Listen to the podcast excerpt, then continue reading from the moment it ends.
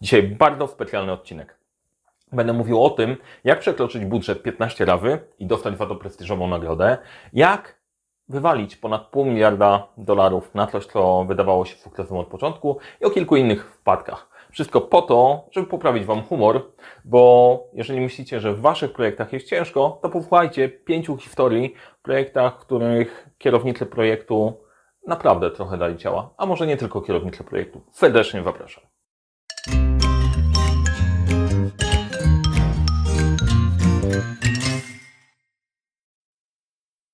Cześć, nazywam się Mariusz Kapufta. Uczę, jak rozpoczynać i kończyć sukcesem projekty w świecie, w którym brakuje czasu, brakuje zasobów, za to nie brakuje problemów i pomagam te problemy rozwiązywać. A dzisiaj, w okazji tego, że jest ponad 5000 subskrybentów, jest Was ponad 5000 osób, które komentują, subskrybują, lajkują. Dziękuję Wam, że jesteście. Urośliśmy niesamowicie szybko. W ciągu pierwszego roku 1000 osób, w ciągu kolejnego przybyło 4000 kolejnych. Jest Was naprawdę sporo. Dziękuję i w tej okazji, że tak rośniemy, jest, e, tak jak zazwyczaj pomagam rozwiązywać problemy, to dzisiaj przyjrzymy się problemom, które mają inni w projektach.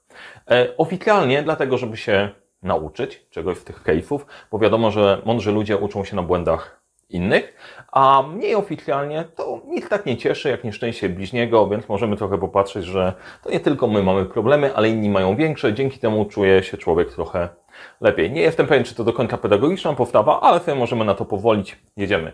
Zaczniemy od case'u, który może się Wam kojarzyć z naszym lotniskiem w Radomiu. Wyobraź sobie sytuację, że siedzisz sobie spokojnie w biurze, pijesz sobie kawę, jesteś sponsorem projektu, nic nie może pójść nie tak. Przychodzi do Ciebie nagle gość i mówi, słuchaj, ja wiem, że zaczęliśmy budować już te budynki na tym lotnisku, ale mam taką propozycję, żeby je odrobinę przebudować. Jak je przebudujemy, to ten system bagaży, który chcieliśmy wbudować, będzie działał trochę lepiej i te wózki na siebie nie będą wpadać. Co Ty na to? Mówisz, okej, okay, dobra, pomysł wydaje się całkiem niezły. A ile mnie to będzie kosztować? Tylko 100 milionów dolarów. Jaka by była Twoja reakcja? Potem, jak już zachłyśniesz się kawą, dojdziesz do siebie, to wyłożysz te 100 milionów, czy wpuścisz gościa na drzewo, żeby radził sam, bo to jest niedorzeczny pomysł, żeby przebudowywać coś, co już powstało, jeszcze wydawać na to 100 milionów dolarów. Niech sobie radzi chłopak sam. Jaka by była Twoja decyzja? Jak się pewnie domyślasz, no nie jest zbyt pułapka, którą zostawiłem. Okazało się, że to 100 milionów dolarów to było w promocji, tak na dobrą sprawę. Trzeba było brać tu i teraz 100 milionów, nie wydziwiać, bo później się okazało, że problemy były dużo większe. Jak doszło do tego, że ponad pół miliarda dolarów e, zostało przepalonych, tak jakby mimochodem, e, to zaraz o tym opowiem. Lotnisko w Dallas to nie do końca taki nasz radom. To taki dużo większy radom. To jest 140 km kwadratowych, ponad 50 milionów e, pasażerów obsługiwanych rocznie. To jest jedna z takich podstawowych różnic pomiędzy Denver a Radomiem e, i jest to jedno z największych lotnisk w Stanach. I miało wpłynąć tym, że będzie miało super zintegrowany system obsługi bagażu, który wprowadzi dużo dobrego. Okazało się, że nie do końca tak było. Pomysł był prosty. Pomysł był na to, żeby wbudować zintegrowany system obsługi bagażu, który miał być najwydajniejszy, najnowocześniejszy na świecie. Założenia były niezłe. Chodziło o to, żeby wszystkie trzy terminale lotniska były obsługiwane przez zintegrowany system przesyłu bagażu. Dzięki temu udałoby się skrócić czas obsługi samolotu do 30 minut, obniżyłoby to poważnie koszty i pozwoliło zmniejszyć ilość zatrudnionych osób. Więc generalnie poza tymi osobami, które nie byłyby zatrudnione, to była mega, mega fajna inwestycja. Problem polegał na tym, że system miał być zintegrowany, ale zaczęto go budować, zanim go zaprojektowano do końca. Stąd w ogóle ten pomysł z tą przebudową budynków e, i okazało się, że doprowadziło to do poważnych problemów. Wynikiem tego całego zamieszania było to, że lotnisko przez 16 miesięcy nie mogło funkcjonować. Każdy dzień kosztował milion 100 tysięcy dolarów, co razem przełożyło się na ponad 560 milionów przekroczonego budżetu. Totalna katastrofa, nie? E, a te 100 milionów, o których mówiłem na początku, faktycznie wydaje się w promocji, bo to niewielka cena za to, żeby wszystko poukładać. W jaki sposób doprowadzili do tego, że byli w stanie doprowadzić do takiej katastrofy w Denver? Od początku było wiadomo, że to się nie uda. System Monachium, który był w miarę podobny, e, budowano przez dwa lata i sześć miesięcy po jego wdrożeniu usuwano bugi kodzie, żeby mógł zacząć działać. Żaden z dostawców, który dostał zapytanie na przygotowanie takiego systemu, nie przedstawił całościowej oferty. Dodatkowo w trakcie zmieniono strategię. Najpierw zdecydowano, że będą to robiły poszczególne linie lotnicze i dawały informacje, czego potrzebują systemu, później to scentralizowano, no i się okazało po prostu, że nie do końca to zafunkcjonowało, a ten problem z budynkami, o którym mówiłem na, mówiłem na początku, był taki, że system wymagał nie tylko samego systemu informatycznego, ale te wówki fizycznie muszą się poruszać w jakiś sposób, e, żeby przesyłać bagaż. Idea była taka, że 60 sztuk bagażu miało, 60 wózków miało się przesuwać na minutę, czyli co sekundę jeden. Ale zakręty, które były zaprojektowane, nie dało się ich zrobić w taki sposób, żeby to te wówki nie wypadały i w czasie demonstracji na, dla prasy wówki wpadały na siebie, wywracały, generalnie po prostu zrobiła się totalna katastrofa. Wtedy burmistrz wyciągnął z dodatkowego budżetu 51 milionów e, dolarów, żeby zainwestować w ręczne wówki i w jakiś sposób ogarnąć sytuację, co nie zapobiegło i tak wywaleniu tego pół miliarda na koniec. Z punktu widzenia projektowego tutaj położono zarządzanie ryzykiem, komunikację i nie doceniono skom poziomu skomplikowania ryzyka. Na koniec wynik tego projektu 560 milionów dolarów w pletle i 16 miesięcy opóźnienia. Więc jeżeli macie coś nie tak w projekcie, to możecie ten projekt stawiać jako przykład. Szefie, popatrz, u nas nie jest tak źle, zobacz co zrobili w Denver.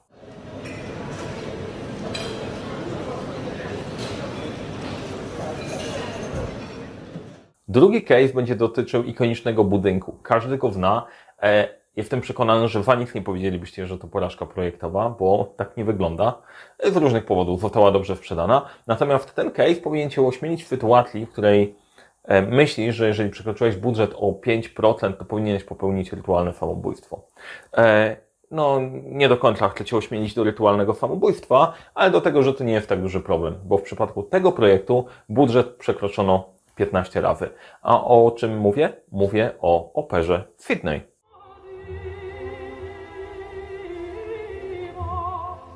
Opera w Sydney to ikoniczny budynek, który zna praktycznie każdy i to jest to, z czym kojarzy się Sydney. No po prostu z operą. E, każdy, kto grał w World Karate Championship pamięta w tle było opera w Sydney, super mega tło. Jest kilka tajemnic, o których Australijczycy woleliby zapomnieć i nie mówić. I dosyć skrzętnie e, to robiąc, udało mi się doprowadzić do sytuacji, w której nikt nie mówi o operze w Sydney jako porażce projektowej. Budowa wystartowała w 1959 roku. Miała kosztować 7 milionów dolarów australijskich. No, niewielka, niewielka różnica. E, po czterech e, latach Australijczycy mieli się cieszyć wspaniałą budowlą, ale okazało się, że nie wszystko poszło zgodnie z planem, jak się pewnie domyślacie. Budowa opery w Sydney nie trwała do końca 4 lata. Trwała 14 lat. Więc może przeoszczędzili przez to, że wydłużyli ten czas, no bo przecież jak patrzymy na trójkąt projektowy, to powinno się udać przeoszczędzić. E, mam nadzieję, że przeoszczędzili trochę, bo nie daj Boże myśleć, co by się stało, gdyby nie oszczędzali. Ostatecznie budżet był 15 razy większy i całość kosztowała 102 miliony dolarów australijskich. Co prawda, Australijczycy w dosyć sprytny sposób sobie poradzili z, tą, z tym przekroczeniem kosztów, ale o tym za chwilę. Najpierw sprawdźmy, jak do tego doszło i jak się okazało, że jednak ten budynek zyskał nagrodę, e, dosyć prestiżową nagrodę architektoniczną.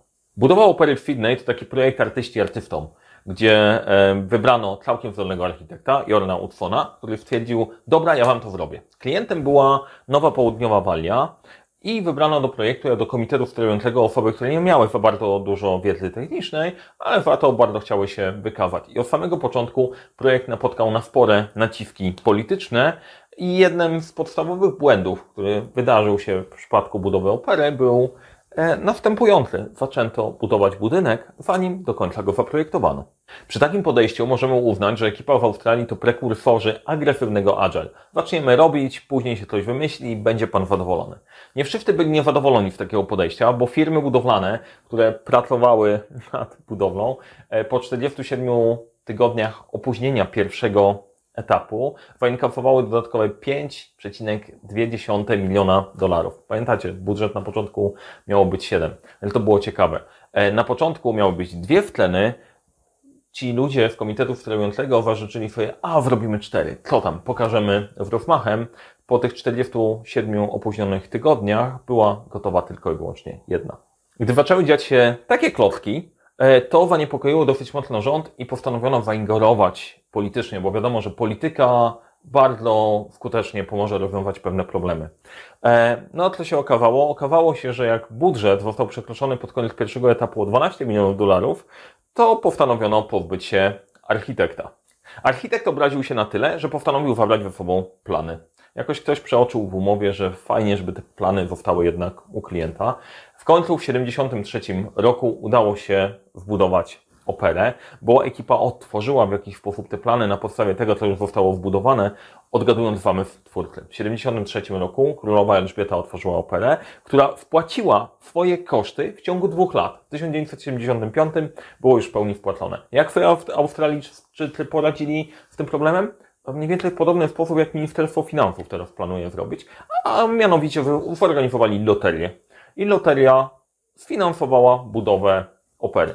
E, pytanie, czy jakby to potrwało więcej, sfinansowaliby jeszcze bardziej i czy by nie byłoby większych dodatkowych zysków, ale trzeba przyznać, że pomimo 15-krotnie przekroczonego budżetu, to zmyślny naród poradził sobie całkiem sprytnie. Co ciekawe, sam architekt Utlon w życiu nie odwiedził opery w Sydney, nie zobaczył swojego dzieła, za to w 2003 roku dostał nagrodę, prestiżową nagrodę za dzieło architektoniczne. Więc generalnie z punktu widzenia projektowego, może nie Fuklew, z punktu widzenia architektonicznego zdecydowanie Fuklew. Zwycięzców po prostu nikt nie sądzi. Wynik końcowy opery w Sydney 110 milionów zamiast 7, 14 lat zamiast 4, no i ważny wniosek, nieważne jak robisz, ważne jak sprzedajesz.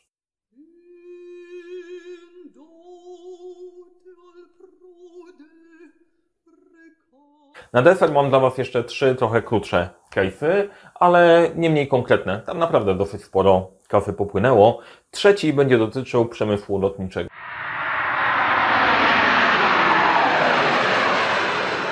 Ta porażka dotyczy Airbusa A380.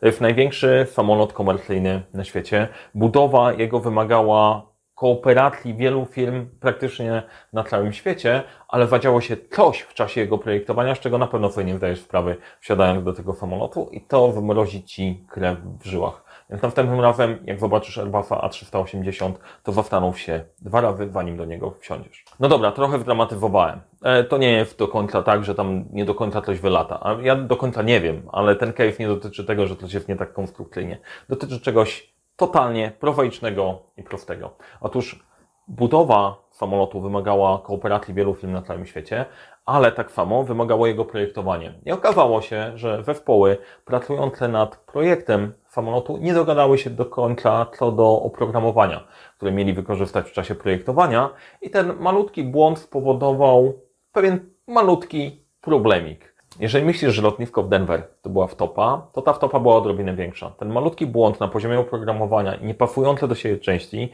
kosztował firmę 6 miliardów dolarów i 2 lata opóźnienia. Taki pikuś. 2 lata, 6 miliardów dolarów. Wniosek dla nas taki. Upewnijcie się, że oprogramowanie, z którego korzystacie, ze sobą po prostu gada.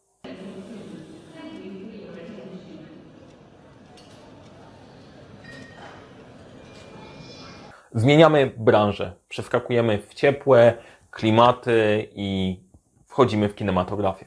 Pewnie kojarzycie taki film jak Waterworld. Jak nie kojarzycie, to nie nasza wina, bo nie okazało się do końca największym hitem we wszechświecie. Raczej fani fan fiction mieli używanie.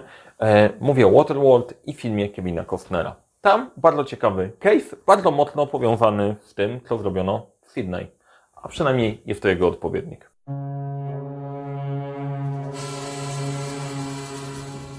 Na początek podchwytliwe pytanie. Czy można zacząć kręcić film bez scenariusza? Odpowiedź brzmi, można. Tak właśnie wykombinowano w Waterworld. To spowodowało, że w ramach 90 dni zdjęciowych wyszło 150. Dzień zdjęciowy nie jest najtańszy, szczególnie jeżeli zatrudnia się gwiazdę, a Kevin Costner wtedy był gwiazdą. E, to spowodowało też, że jak nie do końca mamy poukładany scenariusz, to oprócz podnoszenia kosztów, to ta historia może się nie do końca lepić na konik. I mamy super mega hitu Oscarowej produkcji. Okazało się, że film wyszedł sobie dosyć przeciętny i nie wrócił tych wszystkich kosztów. Wynik był taki, że nie było Oscara. Co prawda pogoda nie do końca pomogła. To był jeden z elementów, o którym zapomniano w tym projekcie, zapomniano o ryzyku. E, nie sprawdzono prognozy pogody, dlatego warto słuchać pogodynek. No i okazało się, że to wydłużyło zdjęcia. Dodatkowo ten scenariusz nie do końca dokończony, zanim wykombinowaliśmy. Wszystko to sprawiło, że koszty były o 50% wyższe. E, no i Kevin Costner za ten film Oscara nie dostał. Wniosek dla nas, zanim zaczniesz coś robić, to miej w miarę sensowny plan i słuchaj pogodynki.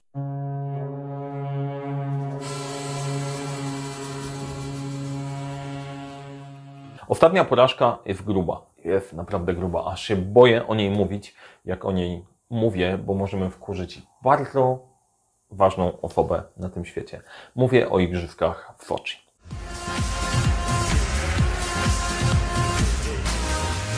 Nie jestem mega fanem igrzysk, olimpiad i tak dalej, e, ale jak oglądaliście może ceremonię e, na igrzyskach, to się okazało, że zamiast pięciu kręgów olimpijskich wyszły 4,5. Jedna gwiazdeczka nie do końca się odpaliła i to był taki symbol igrzysk w Soczi, że nie wszystko do końca poszło tak, jak powinno było pójść. Trzeba przyznać, że Rosjanie mają rozmach. Z 12 miliardów dolarów zrobiło się 51 miliardów. Więc tak na dobrą sprawę chyba ta porażka powinna wylądować na początku naszej listy, ale trochę się boję. Nie? Lepiej będzie na końcu. Może Władimir nie ogląda do końca tego kanału i, i ten kawałek przepuści, bo to jest dosyć przerażające. Jeżeli masz takiego sponsora, jak Władimir Putin, to jest super, bo 39 miliardów dolarów potrafi znaleźć. Ale jednocześnie trzeba pamiętać, że to jest człowiek, który gołymi rękami jest w stanie pokonać tygrysa. E, więc lepiej takiego człowieka nie wkurzać.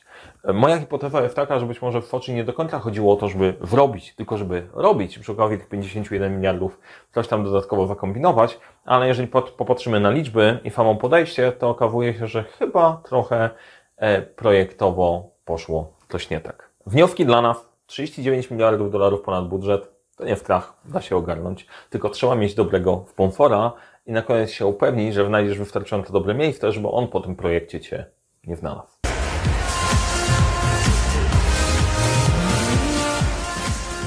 Dziękuję, że jesteście. Fajnie, że jest nas ponad 5000. Jeżeli nie subskrybujesz jeszcze tego kanału, to zasubskrybuj go teraz. Kliknij dzwoneczek, żeby nie przegapić materiałów na 10 i 100 tysięcy subskrybentów, bo taki jest kolejny plan. Dzięki bardzo jeszcze raz. Do zobaczenia. Jeżeli podobało Ci się, daj znać o nas swoim przyjaciołom. Jeżeli nie podobało, daj znać o nas swoim wrogom. Wszyscy będą zadowoleni. Do zobaczenia w odcinku za 10 tysięcy.